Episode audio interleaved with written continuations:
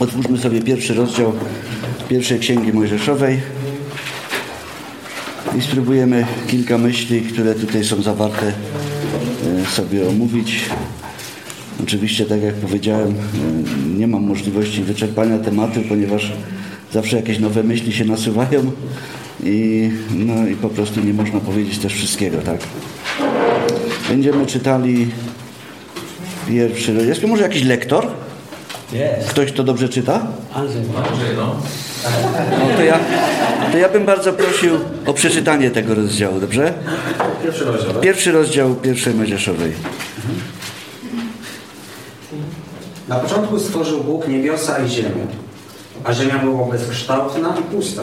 Ciemność rozciągała się nad otchłanią, a Duch Boży unosił się nad powierzchnią wód. Wtedy Bóg powiedział, niech się stanie światło. I stało się światło. I zobaczył Bóg, że światło jest dobre. Oddzielił zatem Bóg światło od ciemności. I nazwał Bóg światło dniem, a ciemność nazwał nocą. Tak nastał wieczór i nastał poranek, dzień pierwszy. Następnie Bóg powiedział, niech powstanie sklepienie pomiędzy wodami i niech rozdziela między wodami a wodami. I zrobił Bóg sklepienie. Oddzielił wody spod sklepienia od wód z sklepienia. I tak się stało. I nazwał Bóg sklepienie niebiosami. Tak nastał wieczór i nastał poranek. Dzień drugi. Następnie Bóg powiedział, niech się zbiorą wody spod niebios na jedno miejsce i niech się ukaże suchy ląd. Tak też się stało. Suchy ląd nazwał Bóg ziemią, a zbiorniki wód morzami. I zobaczył Bóg, że to jest dobre. Potem Bóg powiedział, niech ziemia zakiełkuje trawą, roślinnością wydającą nasienie, drzewem owocowym wydającym owoc, w którym jest nasienie, stosownie do swego rodzaju na ziemi. I tak się stało. Ziemia wypuściła trawę, roślinność wydającą nasienie według swego rodzaju i drzewo rodzące owoc, w którym jest nasienie według swego rodzaju. I Bóg uznał to za dobre. Tak nastał wieczór i nastał poranek. Dzień trzeci. Następnie Bóg powiedział, niech na sklepieniu niebios pojawią się światła, aby rozdzielać dzień od nocy i być znakami dla pół, dni i lat. Niech też będą światłami na sklepieniu niebios, aby oświetlać ziemię. Tak też się stało. Bóg utworzył dwa wielkie światła. Światło większe, aby rządziło dniem i światło mniejsze, aby rządziło nocą. Utworzył również gwiazdy. Umieścił je Bóg na sklepieniu niebios, aby świeciły nad ziemią i rządziły dniem i nocą i oddzielały światło od ciemności. I zobaczył Bóg, że to jest dobre. Tak nastał wieczór i nastał poranek, dzień czwarty. Następnie Bóg powiedział, niech się zapełnią wody rojem żywych istot, a nad ziemią niech zatrzepocze ptactwo na obliczu sklepienia niebios. Tak więc stworzył Bóg wielkie potwory i wszelkie ruszające się żywe istoty, którymi stosownie do ich rodzajów zaleiły się wodę. I wszelkie skrzydlate ptactwo według jego rodzaju. I uznał to Bóg za dobre. Wówczas pobłogosławił im Bóg, mówiąc rozradzajcie się i rozmnażajcie i napełniajcie wody mórz, a ptactwo niech się rozmnaża na ziemi. Tak nastał wieczór i nastał poranek. Dzień piąty. Następnie Bóg powiedział, niech ziemia wyda żywą duszę stosownie do jej rodzaju, bydło, płazy i zwierzęta ziemi według swego rodzaju. Tak też się stało. Bóg uczynił zwierzęta ziemi według ich rodzajów, bydło według jego rodzajów i wszelkie płazy ziemi według ich rodzajów. I zobaczył Bóg, że to jest dobre.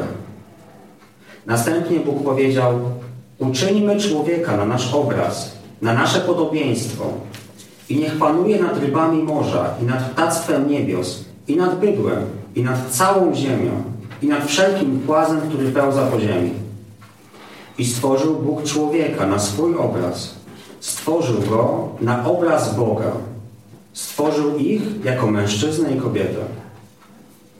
Potem pobłogosławił im Bóg i powiedział im Bóg, rozradzajcie się i rozmnażajcie. i napełniajcie ziemię i podporządkowujcie ją sobie. Panujcie nad rybami mórz i nad ptactwem niebios i nad wszelkim zwierzęciem, które pełza po ziemi. Potem Bóg powiedział, oto daję wam wszelką roślinę badającą nasienie na całej powierzchni ziemi i wszelkie drzewo, którego owoc ma w sobie nasienie. To niech wam służy za pokarm. Wszystkim zaś zwierzętom ziemi i wszelkiemu ptactwu niebios i wszystkiemu, co pełza po ziemi, w czym jest żywa dusza, daje do jedzenia wszelkie zielone rośliny. Tak też się stało. I spojrzał Bóg na, to, na wszystko, czego dokonał. A oto było to bardzo dobre. Tak nastał wieczór i nastał poranek. Dzień szósty. Dziękuję.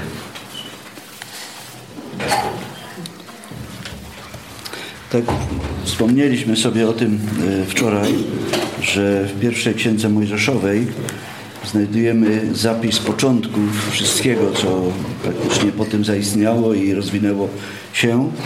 E, I że w księdze objawienia, czyli w ostatniej księdze Biblii, która spina całe to wszystko, e, znajdujemy zakończenie tych wszystkich ważnych spraw. Praktycznie można by przyjąć, że bez znajomości pierwszej księgi Mojżeszowej, a właściwie pierwszych rozdziałów i później e, następnych rozdziałów, kiedy to Pan Bóg zaczyna zajmować się e, właściwie jednym człowiekiem, jednym rodem, e, mielibyśmy bardzo wielką trudność w poznaniu reszty Biblii, ponieważ reszta Biblii bardzo często odnosi się właśnie do tego, co było na początku. I nawet Pan Jezus cytuje pierwsze fragmenty Tory, kiedy udowadnia Żydom, że są w błędzie.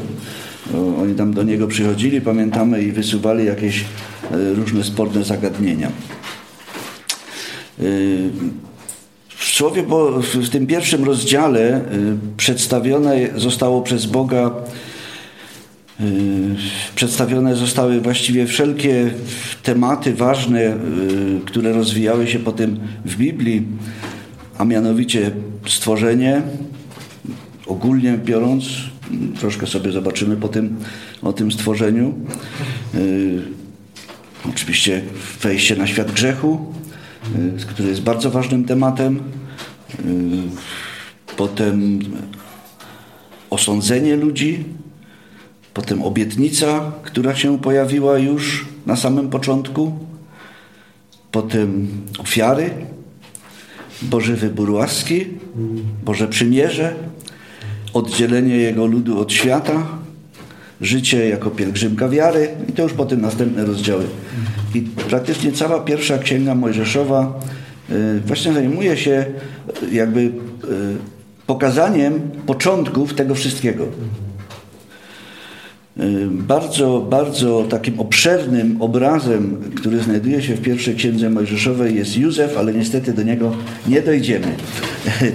ale no, Józef jest bardzo obszernym obrazem wskazującym nam na Pana Jezusa i na Jego dzieło, ale również na to, co dzieje się w świecie i co będzie się działo i co będzie się działo z Izraelem. Także no, ktoś mógł powiedzieć, że to tylko takie zapisy jakieś tam są, e, które opisują nam jakieś zaprzeszłe, zamierzchłe czasy, ale e, tak nie jest. Kiedy przyjrzymy się e, tym tekstom, to widzimy w nich również przyszłość, którą Pan Bóg nam objawia.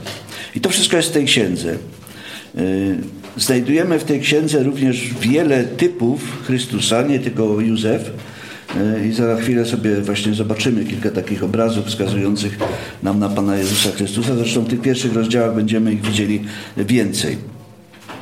I bardzo ważnym jest to, aby wierzący człowiek y, ugruntował swoją wiarę właśnie na podstawie tych pierwszych rozdziałów Biblii, Y, ponieważ w dzisiejszej dobie, kiedy lansowane są różne rozwiązania, tak jak żeśmy sobie wczoraj powiedzieli, kiedy to e, świat wymyśla e, różne hipotezy i, różne teorie na temat, e, jak to wszystko mogło na początku wyglądać, dla wierzących ludzi bardzo ważną rzeczą jest właśnie ugruntować się w tym Bożym Słowie.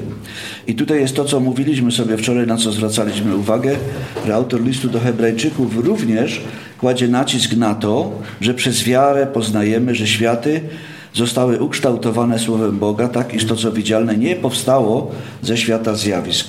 To jest list do Hebrajczyków, 11 rozdział. Początek, to jest trzeci wiersz. E, Cały ten rozdział mówi nam o wierze, o ludziach, którzy uwierzyli, jakie tego były konsekwencje, e, co się później działo. E, Również e, kiedy dalej będziemy rozważali te rozdziały pierwszej Księgi Mojżeszowej, no to za, znowu zerkniemy do tego 11 rozdziału, ponieważ on właśnie mówi również o tych początkach, tak? Co do stworzenia świata, to, to, to jakby przekracza nasze pojmowanie rzeczy. Ponieważ my jako ludzie jesteśmy bardzo mocno ograniczeni naszym poznaniem, tak? My wiemy to, co wiemy, nie wiemy niczego więcej. Wczoraj żeśmy sobie powiedzieli, że Pan Bóg wie wszystko i widzi wszystko z każdej strony, w każdym czasie, tak? Aż do samego końca. Natomiast my jako ludzie jesteśmy bardzo ograniczeni i dlatego to sam akt stworzenia i fakt stworzenia y, jakby jest dla nas nie do końca y, pojęty i nie do końca zrozumiały, ponieważ dokonywał tego Bóg, który jest po pierwsze wieczny, a po drugie wszechmogący. I y, dla Niego y, to, to nie był problem, tak? Natomiast dla nas czasami może, może to, mogą się rodzić jakieś pytania e, odnośnie tego wszystkiego, co się wtedy działo. Ale wtedy musimy zaufać Bożemu Słowu, e, ponieważ, no nie wiem, myślę, że każdy z nas, który zaufał kiedyś Bożemu Słowu, nie zawiódł się. Ponieważ e, ktoś kiedyś powiedział, że Pan Bóg ma bardzo dobrą opinię i że po prostu On nigdy nie zawodzi. I że wszystko, cokolwiek obieca i cokolwiek powie, to jest w stanie tego dotrzymać, choćby warunki były całkowicie niesprzyjające. My jako ludzie czasami tłumaczymy się warunkami, że a no nie mogłem, bo mm, coś tam, nie? Y, Zachorowałem, czy samochód mi się zepsuł, czy no różne tam mamy wymówki, tak? Natomiast Pan Bóg y, nie stosuje wymówek, ponieważ nie musi, bo On może uczynić to, co zapowiedział. I jeżeli chodzi właśnie o stworzenie, to, no to to jest coś takiego, co przekracza jakby nasze pojmowanie, no bo jak z niczego może się wziąć coś, tak? Ale wierzymy, że Pan Bóg może to uczynić i że Pan Bóg to uczynił właśnie. No, o pierwotnym stworzeniu mamy napisane w pierwszej linijce. Na początku stworzył Bóg niebo i ziemię. Jest to bardzo krótkie stwierdzenie, ale, no, ale ono pokazuje nam, że, że to Pan Bóg, który był, już był, od zawsze był, w pewnym momencie, kiedy nastał początek, stworzył to, co my teraz widzimy jako niebo i ziemię. Tak? Potem czytamy, że ziemia była pustkowiem i chaosem, ciemność była nad otchłanią. I no, tutaj są różne teorie, ja nie będę o nich mówił, jakieś tam teorie kataklizmów, jakieś tam teorie upadku i tak dalej. Nie jest ważne, nie jest to aż tak bardzo ważne. Co jest ważne? Ważne jest to, że w takiej scenerii znajdujemy Boga, który zaczyna działać który zaczyna coś z tego y, chaosu y, i ciemności i otchłani wydobywać, tak? Y, Boża aktywność się tutaj właśnie uaktywnia, ujawnia i kończy się ta aktywność szóstego dnia, kiedy Pan Bóg stwierdza, że wszystko jest bardzo dobre. I w siódmym dniu mógł odpocząć. I to nam wskazuje od początku na cały temat Pisma Świętego. Ponieważ cały temat Pisma Świętego to jest to, jak Bóg działa i będzie działał na scenie nieładu moralnego, który jest na świecie, aż do samego końca, do momentu, kiedy doprowadzi wszystko do takiego stanu, że będzie zadowolony. Ja myślę, że Boga jest trudno zadowolić, natomiast my jako ludzie oczywiście nie mamy takich szans sami tego zrobić. Mamy Pana Jezusa, który nam pomaga, ale może o tym będziemy również potem mówili. Natomiast Pan Bóg doprowadza to wszystko właśnie do, takich, do, takiego, do takiej scenerii, jaką sobie wyobraził. I, I to będzie w przyszłości. To będzie w przyszłości, kiedy wszystko zostanie poddane panowaniu człowieka. W tym rozdziale czytaliśmy o tym, że człowiek został stworzony do czego? Do tego, żeby harował całymi dniami i nie miał spokoju? Nie. Człowiek został stworzony, żeby tego wszystkiego doglądać i żeby nad tym panować. Nie w sensie ujarzmiać, bo y, ten sens słowa panowania dzisiaj jest. Człowiek ujarzmia zwierzęta. Człowiek potrafi ujarzmiać różne dzikie stwory i potem jeździ w cyrku z nimi albo gdzieś tam przedstawia, jaki to on jest wspaniały, ale to wcale nie o takie panowanie chodzi. Tutaj chodzi o spójność i jedność. Nie w sensie, że człowiek jest jak te zwierzęta, o tym mówiliśmy sobie wczoraj, bo człowiek jest ponad nimi, on ma nim, nad nimi panować, ale nie, nie, nie w sensie, że on ma je krzywdzić, czy ma coś im, im złego robić, tylko, że on jest ponad nimi i on może im wydawać polecenia. I taką sytuację znajdujemy y, później opisaną w Biblii. Y, Nie wiem, czy kojarzycie, kiedy przyszedł ten Adam właściwy na ziemię, że tak powiem, Pan Jezus Chrystus, to On pokazał, jak to na początku wyglądało. I była taka sytuacja, kiedyś y, uczniowie zmęczeni wracali z połowu. Nie, niewątpliwie kojarzycie tą sytuację. I Pan Jezus mówi, "Ma- macie coś? A oni mówią, nie, nic, całą noc żeśmy haratali i nic żeśmy nie znaleźli. Nie, żadnej ryby nie ma, ani jednej. A on mówi, no to jedźcie tam na, na głębie i zapuśćcie sieć. Yy, No i teraz yy, doświadczeni rybacy, którzy w nocy łowili, w nocy ryby naturalnie wypływają na żerowiska ku powierzchni, więc łatwo jest je zagarniać w sieci, tak? Ale w dzień, kiedy one się chowają już właściwie gdzieś bliżej yy, głębin, no to takie, takie połów jest trudny. I jeszcze Pan Jezus kazał im ponoć z drugiej strony tą sieć rzucić, nie z tej, co zawsze rzucali. Yy, Ale to już szczegół. I i kiedy, kiedy Piotr usłyszał to, to mówi tak: Całą noc ciężko pracując, nic nie złowiliśmy. I teraz jest zdanie, można powiedzieć, wybitne, które Piotr powiedział i którego każdy e, wierzący człowiek powinien się nauczyć i je stosować w swoim życiu. Ale na Twoje słowo to zrobię. Kiedy Pan Jezus zachęca nas, żebyśmy coś zrobili, to pomimo tego, że może nam się wydawać, że to jest bez sensu, no bo jaki sens ma wypływanie w dzień na jezioro, gdzie nie ma ryb, tak? I zarzucanie nam sieci. No nie ma to sensu. Ale jeżeli Pan Jezus to mówi, to trzeba to zrobić, bo wtedy jest efekt.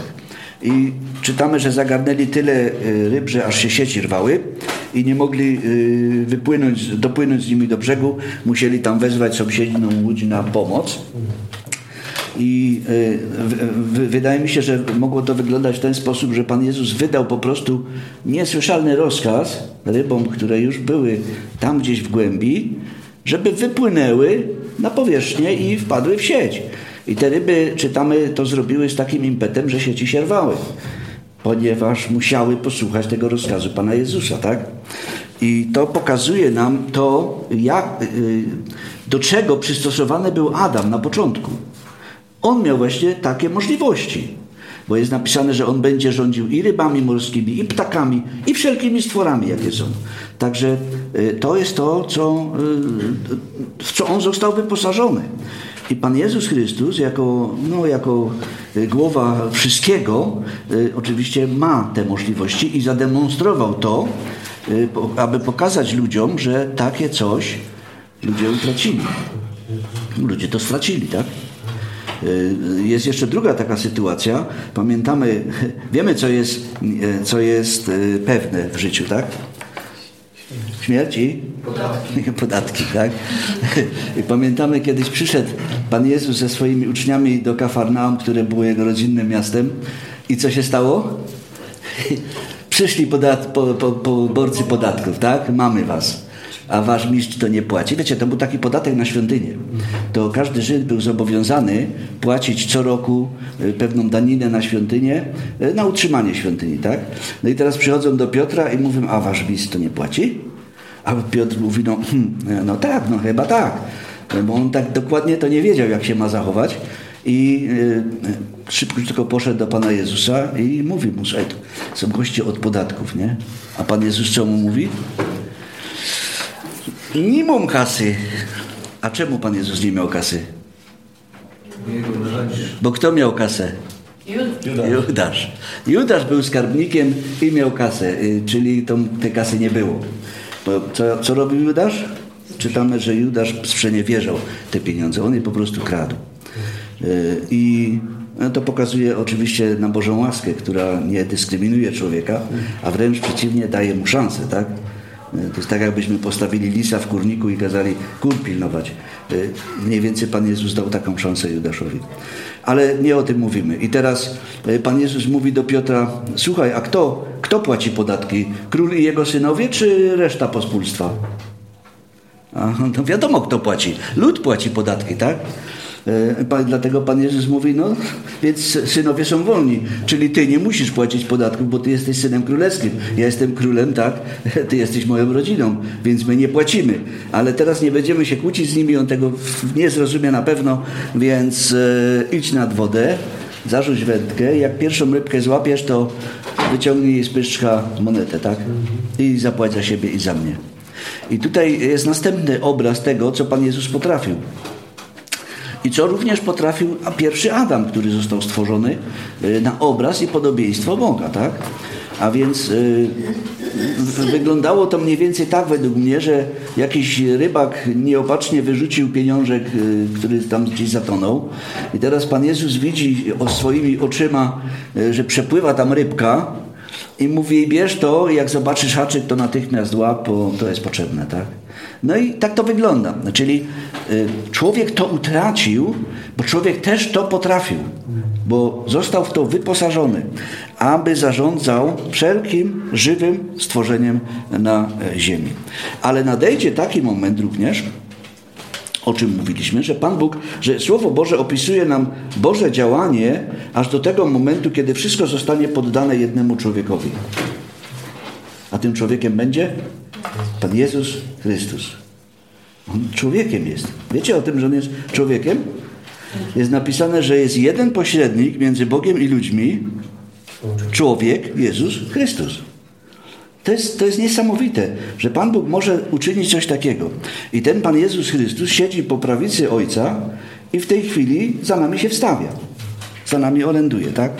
Ale wracając do naszego tematu, yy, na czele wszystkiego końcu stanie Pan Jezus Chrystus. My- Myślę, że możemy w tym zobaczyć również tutaj e, pewną duchową e, analogię pomiędzy tym, e, tymi działaniami, które Pan Bóg tutaj wykazuje, a, a duchowymi sprawami. Ten rozdział, co prawda, zapoznaje nas z porządkiem obecnego materialnego stworzenia, ale wskazuje nam również prawdy, które są duchowe i są dużo głębsze, mają wiele głębsze znaczenie. Czytamy, że na ziemi jest pustka i chaos oraz ciemność nad otchłanią. I to jest to, gdzie, w, czego, w czym Pan Bóg nie znalazł upodobania. Nie czytamy w pierwszym wierszu, że to się Bogu podobało. Tak? Jak czytamy o tym, co Pan Bóg stwarzał, z, wyjątk- jednym, z jednym wyjątkiem, to wszędzie Pan Bóg mówił, że to było dobre, że to jest dobre, tak? Był jeden wyjątek, oprócz tego pierwszego wiersza. Tutaj w ogóle nie czytamy, że to było coś dobrego, y, ponieważ to nie było y, to, to, nie było to, co Pan Bóg by chciał, y, kiedy mógłby sobie odpocząć. Y, Ale możemy tutaj zauważyć, że jest to obraz upadłego człowieka pod mocą grzechu, szatana i śmierci, bez wiedzy o Bogu. Człowieka, który oddalił się od Boga, który żyje w ciemności, który y, ma- w, sobie chaos, czyli żadnego Bożego porządku i no, jest daleko od Boga. I kiedy Bóg y, nie może od, w, takim, w, ta- w takiej scenerii, że tak powiem, odpocząć, to zaczyna coś robić. Zaczyna porządkować tego, tego grzesznika, tak? Y, Pan Jezus dał taki przykład, że jak y, z takiego człowieka wyjdzie ten zły duch, to tam co się robi? Tam się robi porządek, tak? Tam się sprząta, wymiata i tak dalej. I teraz bardzo ważne jest, żeby nie wszedł tam zamieszkać znowu ktoś e, niepożądany, tak? To jest e, takie pewne ostrzeżenie. Ale e, Pan Bóg e, również to robi. Kiedy e, spotyka takiego człowieka, e, który w sercu ma chaos, ciemność, pustkę i grzech, to zaczyna go porządkować. Zaczyna robić z nim rzeczy, które mają doprowadzić do tego, że on będzie się Bogu podobał. Że on będzie dla, dla jego upodobania. I to jest wspaniałe, że możemy to już tutaj widzieć. Czytamy tutaj również o duchu. Wczoraj żeśmy sobie powiedzieli, że w stworzeniu biorą udział wszystkie trzy te osoby y, boskie, y, które, y, co nam Biblia właśnie pokazuje i opisuje. I tutaj czytamy, że Duch Boży unosił się nad powierzchnią wód. Użyte słowo unosił sugeruje nam, że jest to takie czułe zainteresowanie, ponieważ to jest to samo słowo, które użyte jest w piątej księdze Mojżeszowej w 32 rozdziale w 11 wierszu i tam jest napisane tak.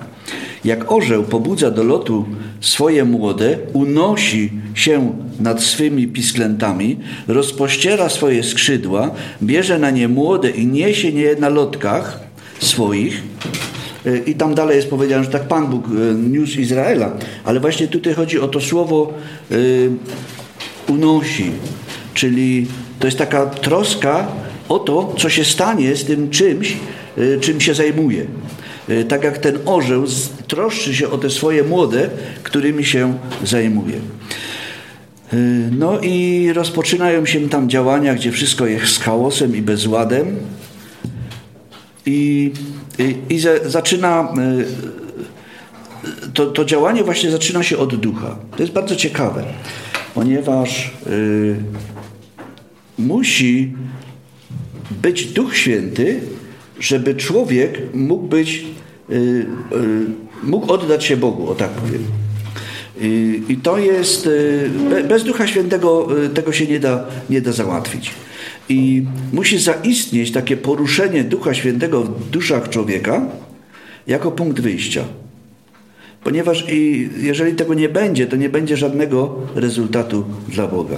Y, musi nastąpić tak zwane nowonarodzenie. My to oczywiście znamy z Nowego Testamentu. W Starym Testamencie to nie jest y, w ten sposób wyrażone, ale y, znajdując obrazy starotestamentowe, możemy zobaczyć to, co było przewidziane na później. W człowieku nie ma niczego, czym mógłby się, mógłby się zadowolić. Kiedy Pan Jezus był na ziemi, to jest napisane, że On nie ufał nikomu, bo wiedział, co jest w ludziach. W ludziach nie ma niczego, y, czym Pan Bóg mógłby się zadowolić, czemu by mógł y, zaufać, dopóki taki człowiek nie narodzi się y, na nowo. A o naturalnym człowieku, o takim człowieku, który nie zna Boga, jest napisane: Nie ma ani jednego sprawiedliwego, nie masz, kto by rozumiał, nie masz, kto by szukał Boga, nie ma bojaźni przed ich oczami. I dlatego jest powiedziane, musicie się na nowo narodzić. Ale do tego potrzebny jest wiatr, o którym Pan Jezus mówi, że to jest duch. I tak jak nikt nie wie, jak ten wiatr tam sobie wieje, e, Dzisiaj tam ludzie stwarzają jakieś mapy, coś takiego, ale tak na, na, na dobrą sprawę to do końca nie, nie, wiadomo, jak to się dzieje, gdzie ten wiatr powieje yy, i co będzie robił. I tak samo duch. On działa niewidocznie, w sensie, że nie widać jego jako działacza, ale widać efekty, które on powoduje w życiu człowieka. I takie mm, zwiastowanie y, Ewangelii, czyli oświecanie człowieka Bożym światłem, nie, nie przynosi efektu, jeżeli nie zadziała tam Duch Święty. Jeżeli on nie poruszy serca danego człowieka, to to serce pozostaje nieczułe. Y, jako grzesznik człowiek jest beznadziejnie zgubiony i nie pragnie Boga. Nie szuka Boga. Jemu Bóg nie jest do niczego potrzebny. I kiedy to Boże światło nawet w Chrystusie dociera do niego, to y, właściwie on je nienawidzi. Odrzuca z nienawiścią to wszystko, co mu się mówi o Bogu, o Panu Jezusie Chrystusie i o tym wszystkim. I teraz działanie Ducha Świętego polega na czym? Na uczuleniu Boże, ludzkiego serca na Boże światło. Wiecie, to jest tak jak e, dzisiaj to jest całkiem inaczej, bo dzisiaj to tu siedzi fotograf, on ma takie pstrykadełko i tam pstryka sobie i potem o, widzi te zdjęcia od razu na ekraniku, tak? Ale jeszcze 100 lat temu e, tak nie było. Naprawdę. Kiedy ktoś chciał zrobić zdjęcie, to musiał się na tym znać. Musiał mieć specjalną płytę szklaną, pokrywał tą płytę szklaną specjalną emulsją e, światłoczułą i dopiero wtedy, kiedy włożył ją w ten swój aparat i odpowiednio długo naświetlał, miał, i oczywiście potem jeszcze proces wywoływania i tak dalej, miał dopiero obraz, tak? I ten Duch Święty właśnie działa jak ta emulsja światłoczuła. On uczula człowieka na to światło i wtedy człowiek może na to odpowiadać. I wtedy dopiero człowiek odpowiada na Boży zew. I to jest to, co jest opisane e, w dziejach apostolskich, kiedy Duch Święty został zesłany na ziemię, to e, kiedy Piotr wygłaszał swoje... Najpierw kpili, tak? Mówi, a się popili młodym winem co wskazuje, że w Nowym Testamencie ludzie pili wino. Nie tylko soczki. Dlaczego to mówię? Mówię to dlatego, że są takie ruchy chrześcijańskie, które w ogóle nie uznają wina. Nie wiem dlaczego, e, skoro w Biblii jest ono opisane jako zbawienne nawet. Ponieważ kiedy Samarytanin znalazł e, tego pobitego e, człowieka, no to go zaopatrywał winem, tak? które również działało odkażająco na, na rany. Tak? Więc tak to właśnie było. I kiedy najpierw kpili sobie, że się opili młodym winem, a potem usłyszeli to, co Piotr miał im do powiedzenia i Duch Święty poruszył ich serca, bo to musi nastąpić. Czytamy o tym w dziejach apostolskich, oni zostali poruszeni. Jak to? My jesteśmy tymi mordercami? My jesteśmy tymi zabójcami tego sprawiedliwego, który przyszedł nas zbawić? Ojoj, co teraz? Panowie, co mamy zrobić? No i tam e, czytamy tą całą historię i natychmiast uwierzyli, bo Duch Święty im na to pozwolił. On po prostu wprowadził to w ich serca. I właśnie to jest Jego działanie. I tutaj mamy na samym początku Ducha e, Bożego, który, e, który w tym pomaga wszystkim, tak? który jest pokazany jako ten, który był na samym początku i troszczył się o to, i teraz y, co się dzieje dalej? Wtedy Bóg powiedział pierwszego dnia: Niech się stanie światłość. I stała się światłość. Boży nakaz powstania światła pokazuje nam, y, to jest pewien obraz, który pokazuje nam, że kiedyś prawdziwa światłość oświeci ten świat. O tym mówił Pan Jezus, kiedy był na ziemi. Pan Jezus wielokrotnie mówił o sobie jako o światłości i mówił o sobie jako o tej prawdziwej światłości, która będzie oświecać ludzi. I ponieważ w Ewangelii Jana jest to zapisane, w ludziach nie ma światła. Tak jest napisane dosłownie, że kto chodzi w światłości, ten się nie potknie, ale kto nie chodzi w światłości Jego, Pana Jezusa, ten się potknie, bo nie ma w nim światła. A więc człowiek nie został wyposażony w żaden mechanizm oświetlania sobie drogi. Wiecie, są zwierzęta, które mają takie różne mechanizmy, ale człowiek nie. E, bo Pan Bóg przewidział dla niego całkiem coś innego. Pan Bóg przewidział dla niego światło. Oczywiście światło, które Pan Bóg stworzył, to jest to, co my widzimy, tak? E, e, I kiedy nie ma tego światła, to jest ciemność. Natomiast kiedy jest to światło, jest jasno. I to jest wiadome. Natomiast to Boże światło, Pan Jezus Chrystus, który przyszedł na świat, On oświeca ludzi, aby mogli żyć w tej Bożej światłości. I kiedy czytamy Słowo Boże, to widzimy, że, że ta obietnica pojawienia się tego światła jakby błyszczy w Słowie Bożym przez, przez, całe, no przez całe Słowo Boże, aż do momentu, kiedy Pan Jezus pojawia się na ziemi. I w liście do Koryntian czytamy, bo Bóg, który rzekł z ciemności niech światłość zaświeci, rozświecił serca nasze, aby zajaśniało poznanie chwały Bożej, która jest na obliczu Chrystusowym. Drugi list do Koryntian, czwarty rozdział, szósty wiersz. To jest właśnie ta pełnia y, chwały tego światła Bożego przez Pana Jezusa Chrystusa. I kiedy Pan Bóg wprowadza światło na ziemię, to co robi? To robi rozdział. Oddziela światło od ciemności. I to jest bardzo ważna zasada. To jest podstawowa zasada, aby oddzielić światło od ciemności. One nie mogą razem egzystować. Yy, one nie mogą się jakby mieszać. Szatan zawsze próbuje je mieszać. Ale apostoł Paweł napomina nas i mówi tak. Nie chodźcie w obcym jarzmie z niewiernymi, bo co ma wspólnego sprawiedliwość z nieprawością? Albo jakaż społeczność między światłością a ciemnością? Albo jaka zgoda między Chrystusem a Belialem? Albo co za dział ma wierzący z niewierzącym? Jakiż układ między świątynią Bożą a bałwanami? Drugi y, list do Koryntian, szósty rozdział, 14 do 16 wiersza. A więc apostoł Paweł pokazuje, że światłość i ciemność to nie mogą ze sobą współistnieć. Albo jesteśmy w światłości, albo jesteśmy w ciemności. I Izajasz powiada już w Starym Testamencie bardzo ważną rzecz. Y, Biada tym, którzy zło nazywają dobrem, a dobro złem, którzy zamieniają ciemność w światłość, a światłość w ciemność. Zamieniają gorycz w słodycz, a słodycz w goryż. To jest księga proroka Izajasza, 5 rozdział, 20 wiersz. Pan Bóg mówi tam biada. Wiemy, co znaczy słowo biada w Biblii, tak? To jest wielkie ostrzeżenie. To jest ostrzeżenie, że nadchodzi sąd.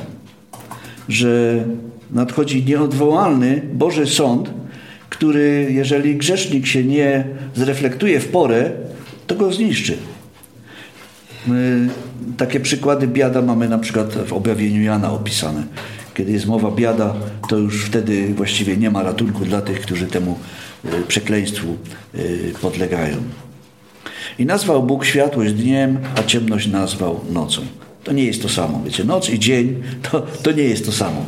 I dlatego Pan Jezus powiedział, że należy chodzić w dzień, że należy chodzić w światłości, bo w nocy dzieją się różne dziwne rzeczy.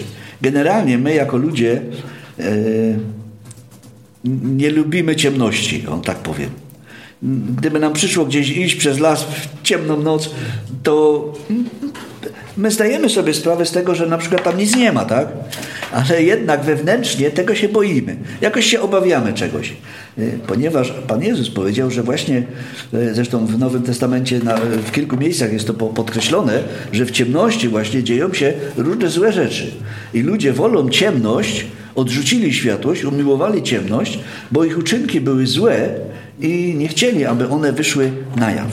I wolą to wszystko ukrywać w ciemności. Ale e, Pan Bóg e, dał nam światłość, dał nam e, światłość Panu Jezusie Chrystusie i kiedy Pan Jezus Chrystus staje się światłem dla naszych serc, to rozpoznajemy, że cokolwiek nie jest z Niego jest ciemnością i nie możemy z tym mieć żadnej społeczności. Ale odrzucenie Pana Jezusa Chrystusa pozostawiło świat jako taki w głębokiej ciemności. Świat pozbył się Pana Jezusa. Y, Ludzie go odrzucili, nie chcieli go i pozostali w ciemności. Y, Ci, którzy w niego wierzą, mają jego światłość, ale on przyjdzie znowu i ustanowi wieczny dzień. Ale przedtem jeszcze nastanie sąd. Ponieważ powiedziane jest, postanowione jest ludziom raz umrzeć, a potem sąd. I każdy człowiek musi stanąć przed sądem. Jeżeli jest to człowiek wierzący, to jest zachowany przed Bożym gniewem, czyli nie stanie przed tym sądem, który go potępi. On będzie inaczej osądzony. E, On będzie osądzony na zasadzie spo, sportowego sądu, czyli albo dostanie nagrodę, albo jej nie dostanie, tak? Albo będzie y, wywyższony, albo, albo będzie zawstydzony, ale będzie zbawiony, mówi apostoł Paweł. Natomiast kiedy nadejdzie ten Boży Sąd, y, no to jest napisane, że wszyscy, którzy nie znaleźli się na Jego liście, czyli w Jego księdze, y, niestety zostali potępieni. Y, Ludzie na tym świecie próbują nam mówić o postępie, o poznaniu, ale jeżeli, do, dopóki nie mają poznania Pana Jezusa Chrystusa, to to wszystko jest w ciemności, ponieważ tylko Pan Jezus Chrystus może dawać tą duchową światłość. I słowa był wieczór i był poranek są w tym rozdziale powtórzone sześciokrotnie. Ale nie ma wzmianki o tym, kiedy nastaje dzień siódmy. Ponieważ dzień siódmy nie ma wieczoru. Oczywiście jest to pewien obraz. Jest to obraz, który pokazuje nam, że nastanie taki dzień, kiedy już nie będzie wieczoru, kiedy zaświta wieczny ranek i kiedy ludzie będą znajdowali się w Bożej obecności i będą y, wiecznie w Jego świetle. Jest napisane, że tam nie będzie potrzebne ani słońce, ani księżyc, ani żadne inne światło, ani lampa, y, ponieważ to będzie Boże światło. Podejrzewam, że to będzie to światło, które Pan Bóg stworzył na początku, bo wtedy jeszcze nie było słońca, ani księżyca, y, ani gwiazd, y, a było światło. Y, ponieważ Pan Bóg to światło stworzył. Tak więc sześć razy tutaj jest to powtórzona ta wzmianka o, o wieczorze i poranku, co oznacza również, że były to dni. Bo znowu tutaj są różne debaty na ten temat, a może to były dłuższe dni, a może to były jakieś ery albo epoki, albo no, różne są tam rzeczy, ale generalnie, jeżeli y, byśmy porównali z innymi odniesieniami w Biblii do y, dnia i poranka, to chodzi o 24-godzinny dzień. No i ktoś mógłby znowu powiedzieć, no jak to w 24 godziny Pan Bóg stworzył y, tu świat? Znaczy, ja uważam, że Pan Bóg mógłby stworzyć świat w jedną sekundę, w pół sekundy, jeszcze krócej. Dlaczego? No bo On może to uczynić, tak? Ale On nie uczynił tego, między innymi dlatego, żebyśmy czytając te fragmenty zobaczyli, jaka jest, jaki jest Jego plan, jaka jest Jego idea. Wiecie, Pan Bóg nie stwarza chaotycznie. To nie jest tak, że on ma różdżkę i tam jak machnie tu, tam, siam się potknie czy coś, to się dzieją różne rzeczy gdzieś tam. Nie. Wiecie, to jest tak jak budowa domu. Ktoś kiedyś budował dom z was? Tak? Tak. No to jak się buduje dom? Najpierw się idzie do architekta, tak? Robi się plan, mówi mu się, abym chciał to, bym chciał tamto i tak, i żeby to było takie i siakie i różne. On to wszystko rysuje, roz, rozrysowuje, yy, planuje, oblicza, tak? I potem dopiero, no oczywiście musi zostać zatwierdzona ta budowa i tak dalej, to jest inna sprawa, ale musi być plan wykonania tego budynku. I to Pan Bóg właśnie zrobił. Plan, Pan Bóg wszystko zaplanował.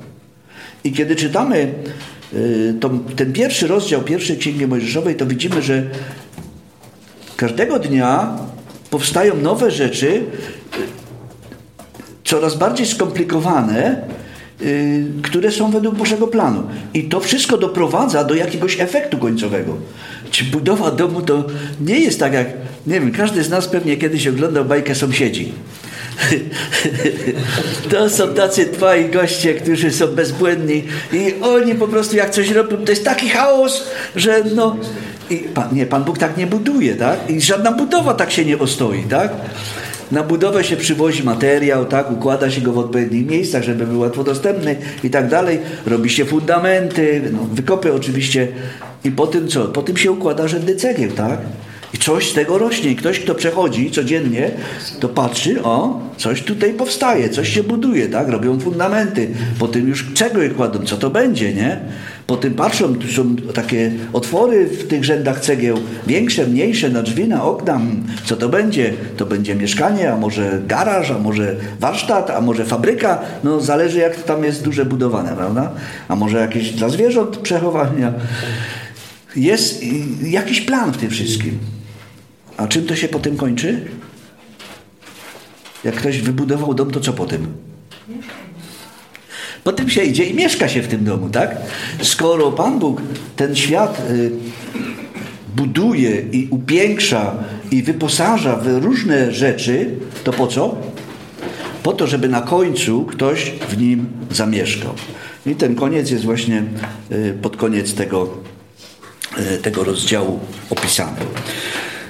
Także wracając do tych, do tych dni, ja osobiście uważam, że były to 24-godzinne dnie, takie jak mamy dzisiaj. Co prawda nie było Słońca i Księżyca, bo jest dopiero w czwartym dniu napisane, że Słońce i Księżyc powstały, ale co one miały za zadanie? Oświetlać i, i rządzić dniem i nocą, tak? Czyli one dopiero jakby wprowadzają dla człowieka ten podział czasu na noc i na dzień. Natomiast uważam, że skoro jest napisane że był ranek i był wieczór, i ranek i wieczór, że to były dnie takie, jakie my znamy. Jeżeli ktoś uważa inaczej, oczywiście nie będę się z nim spierał, e, ale to jest takie, wydaje mi się, dość logiczne. E, Odnośnie tego poranku i wieczora, którego nie ma w siódmym dniu, to jest to również wspomniane e, w proroctwach. W proroctwie Ezechiela w 46 rozdziale, w 13 i 14 wierszu jest napisane tak. Przygotuję baranka jednorocznego, bez skazy, jako codzienną ofiarę całopalną dla Pana. Przygotuję go w każdy poranek. A jako ofiarę z pokarmów przygotuję wraz z nią w każdy poranek jedną szóstą efy i jedną trzecią chinu oliwy, aby pokropić mąkę jako ofiarę z pokarmów dla Pana. Taki jest przepis o stałej ofierze całopalnej. I nie ma tam już wieczornej ofiary. Ta myśl o wieczornej ofierze w przyszłości znika. I to pokazuje, że y, po prostu ten dzień będzie już trwał y, nieskończenie. Y, Natomiast jest jeszcze coś takiego jak wieczorne poranki.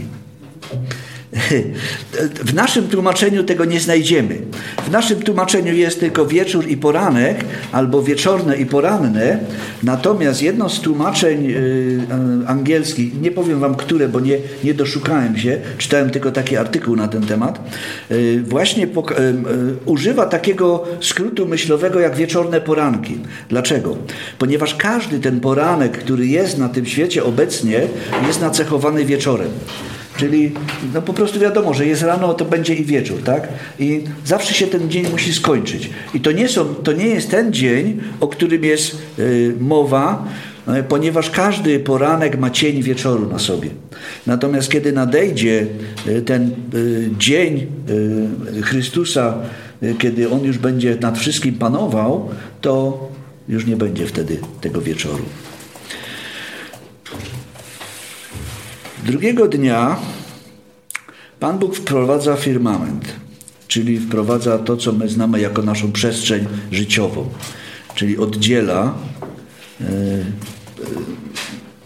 to, co jest powyżej i to, co jest poniżej. Generalnie chodzi tutaj o wody. I to jest ten wyjątek, o którym mówiłem. E, U końca tego dnia, u końca tego dnia nie jest powiedziane, że Panu się to podobało, że to było dobre. I to jest e, ciekawa myśl, e, że te wody, które znalazły się nad sklepieniem, posłużyły do czego? Do potopu. I to wcale się Bogu nie podobało, ale Pan Bóg to przewidział. Bo Pan Bóg przewidział wszystko. I, i tutaj nie mamy właśnie powiedziane, że to było dobre. To jest jeden wyjątek, gdzie poza tym wszystko, co Pan Bóg stwarzał, było dobre. I e, powstaje ta przestrzeń, w której można spokojnie oddychać, czyli po, po atmosfera, w której możemy, możemy żyć.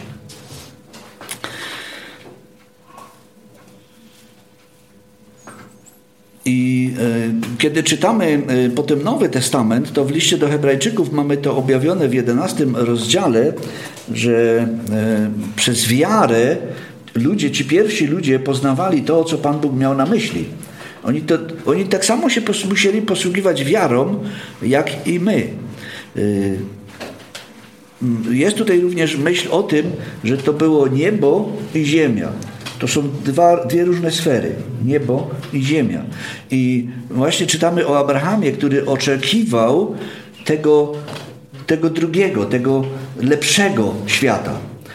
Tego świata, który został um, obiecany ludziom i na który właśnie również starotestamentowi ludzie bardzo czekali. Abraham czekał na miasto, jest napisane, które ma mocne fundamenty. To miasto niebieskie. Czyli widzimy tutaj, że ludzie żyją na ziemi, ale czekają na coś całkiem, całkiem innego. I apostoł Paweł bardzo mocno to wyraził. Nasza ojczyzna jest w niebie. Tutaj żyjemy jako przechodnie, jako goście, jako pielgrzymi. I Abraham był takim właśnie przykładem pielgrzyma, ponieważ on się nigdzie nigdy nie usiedlił na stałe. Czytamy, że on zamieszkał, tu zamieszkał, tam zamieszkał, ale mieszkał pod namiotami. Nie, nie wybudował sobie miasta. Wiecie, był taki człowiek, będziemy o nim mówili, może nam się uda, jak nie będziemy tak rozmykali wszystkiego, e, dojdziemy wreszcie do Kaina, e, to on jak usłyszał od Boga coś, co mu się nie podobało, to co zrobił? Poszedł i wybudował miasto. Tak? A co, co mi tu Pan Bóg będzie mówił? A Pan Bóg mówi, będziesz tułaczem. Nie, nie będę, będę w mieście. To, ale o tym będziemy mówili, tak? My jako ludzie potrzebujemy atmosfery, atmosfery do życia, tak? która składa się... Czym ludzie oddychają? No, dzisiaj to wszystkim oddychają. Nawet tam cegły ktoś wyliczył, ile to cegieł człowiek wdycha e, rocznie do tych swoich biednych płucek. No ale nie o tym mówię. Ludzie generalnie oddychają atmosferą, która składa się z większości azotu, niestety. Także jak ktoś wam powie, że oddychacie tlenem, to mu nie wierzcie. Jest tam tlen również, owszem, ale jest go, jest go trzy razy mniej, ponad trzy razy mniej niż azotu. Tak? 21% mówią nam naukowcy. Dzisiaj to jeszcze nie wiem, czy tyle jest tego tlenu w tym naszym biednym powietrzu, ale przyjmijmy, że tak jest. Tak? Czyli my jako ludzie potrzebujemy do oddychania pewnej e, mieszanki gazu, e, e, mieszanki gazów, które dają nam życie, tak? Jako wierzący ludzie, jako ludzie, e, którzy przyjmujemy e, od Boga to, co On nam oferuje, również zaczynamy potrzebować pewnej atmosfery do życia. I nie wszędzie tą atmosferę znajdujemy. Taką atmosferę wierzący człowiek znajduje w zgromadzeniu. Kiedy przychodzi do zboru, to tam może oddychać tą samą atmosferą, którą oddychają ci wszyscy, którzy, którzy tam są. To jest szczególny rodzaj atmosfery. Y, oczywiście to jest y, obrazowo, to jest duchowo opowiedziane. Y, nie, nie, wszędzie wierzący człowiek czuje się dobrze. Nie wiem, mieliście pewnie takie sytuacje, że byliście w jakimś towarzystwie i w ogóle wam to nie pasowało, w ogóle najlepiej to byście poszli sobie stamtąd, no ale z racji, nie wiem, czy to praca, czy coś, musimy być w, takiej, w takim towarzystwie i niestety nie możemy się z niego wycofać. I Tutaj jest ten obraz powstania atmosfery. Jest to również obraz, który pokazuje, że kiedy jako ludzie oddamy się Bogu, to również będziemy takiej atmosfery potrzebowali. I yy, Pan Bóg nam tą atmosferę przygotowuje. I to jest zbór. I człowiek prawdziwie nawrócony do Boga nie może oddychać w atmosferze bałwochwalstwa, nienawiści czy bezprawia. Nie ma takiej możliwości. Wczoraj żeśmy tutaj troszkę tak dyskutowali, to było wczoraj, tak? O, tych, o tym, czy ma jak ma ducha, to czy może być e, w kościele, tak? E, jeżeli jest to Boży Duch, który ogarnia człowieka i pokazuje mu właściwą drogę, to prędzej czy później musi wyjść z tej atmosfery, która go dusi i iść tam, gdzie może dobrze oddychać. Czyli musi zmienić to miejsce, oddawania czci Bogu. Prawdziwemu Bogu. I to jest bardzo ważne. I taki człowiek chce być we właściwym towarzystwie, i to jest to, co jest napisane w Dziejach Apostolskich w drugim rozdziale, że trwali, tam są cztery rzeczy wymienione, i jedna z tych rzeczy to jest społeczność. Trwali w społeczności. To jest jedna z fundamentalnych zasad wierzącego człowieka trwanie w społeczności z ludźmi, którzy wierzą w to, co On wierzy. W tego prawdziwego Boga i Pana Jezusa Chrystusa, Zbawiciela i Ducha Świętego, który to zbawienie im e, w ich sercach, że tak powiem, zakorzenił. I to jest bardzo ważne, bo e, niektórzy tak zwani wierzący ludzie, albo ludzie, którzy mówią o sobie, że są wierzący, e, dobrze się czują na przykład w pubie ja nie mam nic przeciwko pubowi, tak? No, to jest miejsce jak każde inne, tak? I wiecie co? Tam nie ma diabła. Nie ma w pubie diabła. Wiecie, gdzie jest diabeł? Diabeł jest na nabożeństwie. Diabeł jest na nabożeństwie i wiecie, co robi? I zaprząta myśli ludzi. I podpowiada im, a może byś się teraz się zastanowił na temat, bo tam jest ważna rzecz, tak? I w pubie diabeł tam nie musi siedzieć, bo on tam ma tych swoich ludzi, tak? Ale jeżeli wierzący człowiek y, lubi tam chodzić i dobrze się tam czuje, to musi się zastanowić. Musi się zastanowić, czy to jest rzeczywiście to właściwe miejsce, w którym on powinien być. Bo gdzie owieczka się będzie lepiej czuła? W owczarni czy w jamie wilka? No chyba odpowiedź jest y, prosta dla każdego, tak? Że jednak między owcami będzie jej raźniej, tak? I lepiej. I będzie bardziej bezpieczna. Bo tam jeszcze jest kto? Pasterz. a pasterz dba o swoje owce. Pan Jezus powiedział, że On jest dobrym pasterzem i On dba o swoje owce. I te owce Jego, wiecie co robią? Znają Jego głos. Jak? Idą za No idą za nim, tak. Bo to pasterz idzie na przedzie. Pasterz prowadzi swoje stado, a stado idzie za nim. I one słyszą jego głos i idą za nim. I kiedyś, nie wiem, może znacie tą historię, pewien człowiek pojechał właśnie na, do Izraela i mówi, no muszę zobaczyć, muszę zobaczyć, jak to jest tym pasterzem, nie? I patrzy, idzie gościu i gna owce przed sobą, nie? I on mówi, no jak to? Przecież ja czytałem tutaj, wszędzie jest, że pasterz idzie przodem i on te owce woła. Mówi, no pasterz tak, ale ja jestem rzeźnikiem.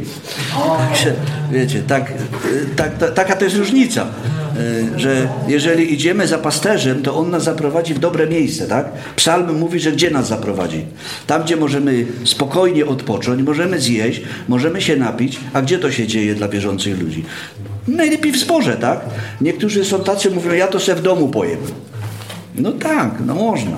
Ale y, jest taka specjalna restauracja, gdzie możemy przychodzić i tam serwują różne dania, tak?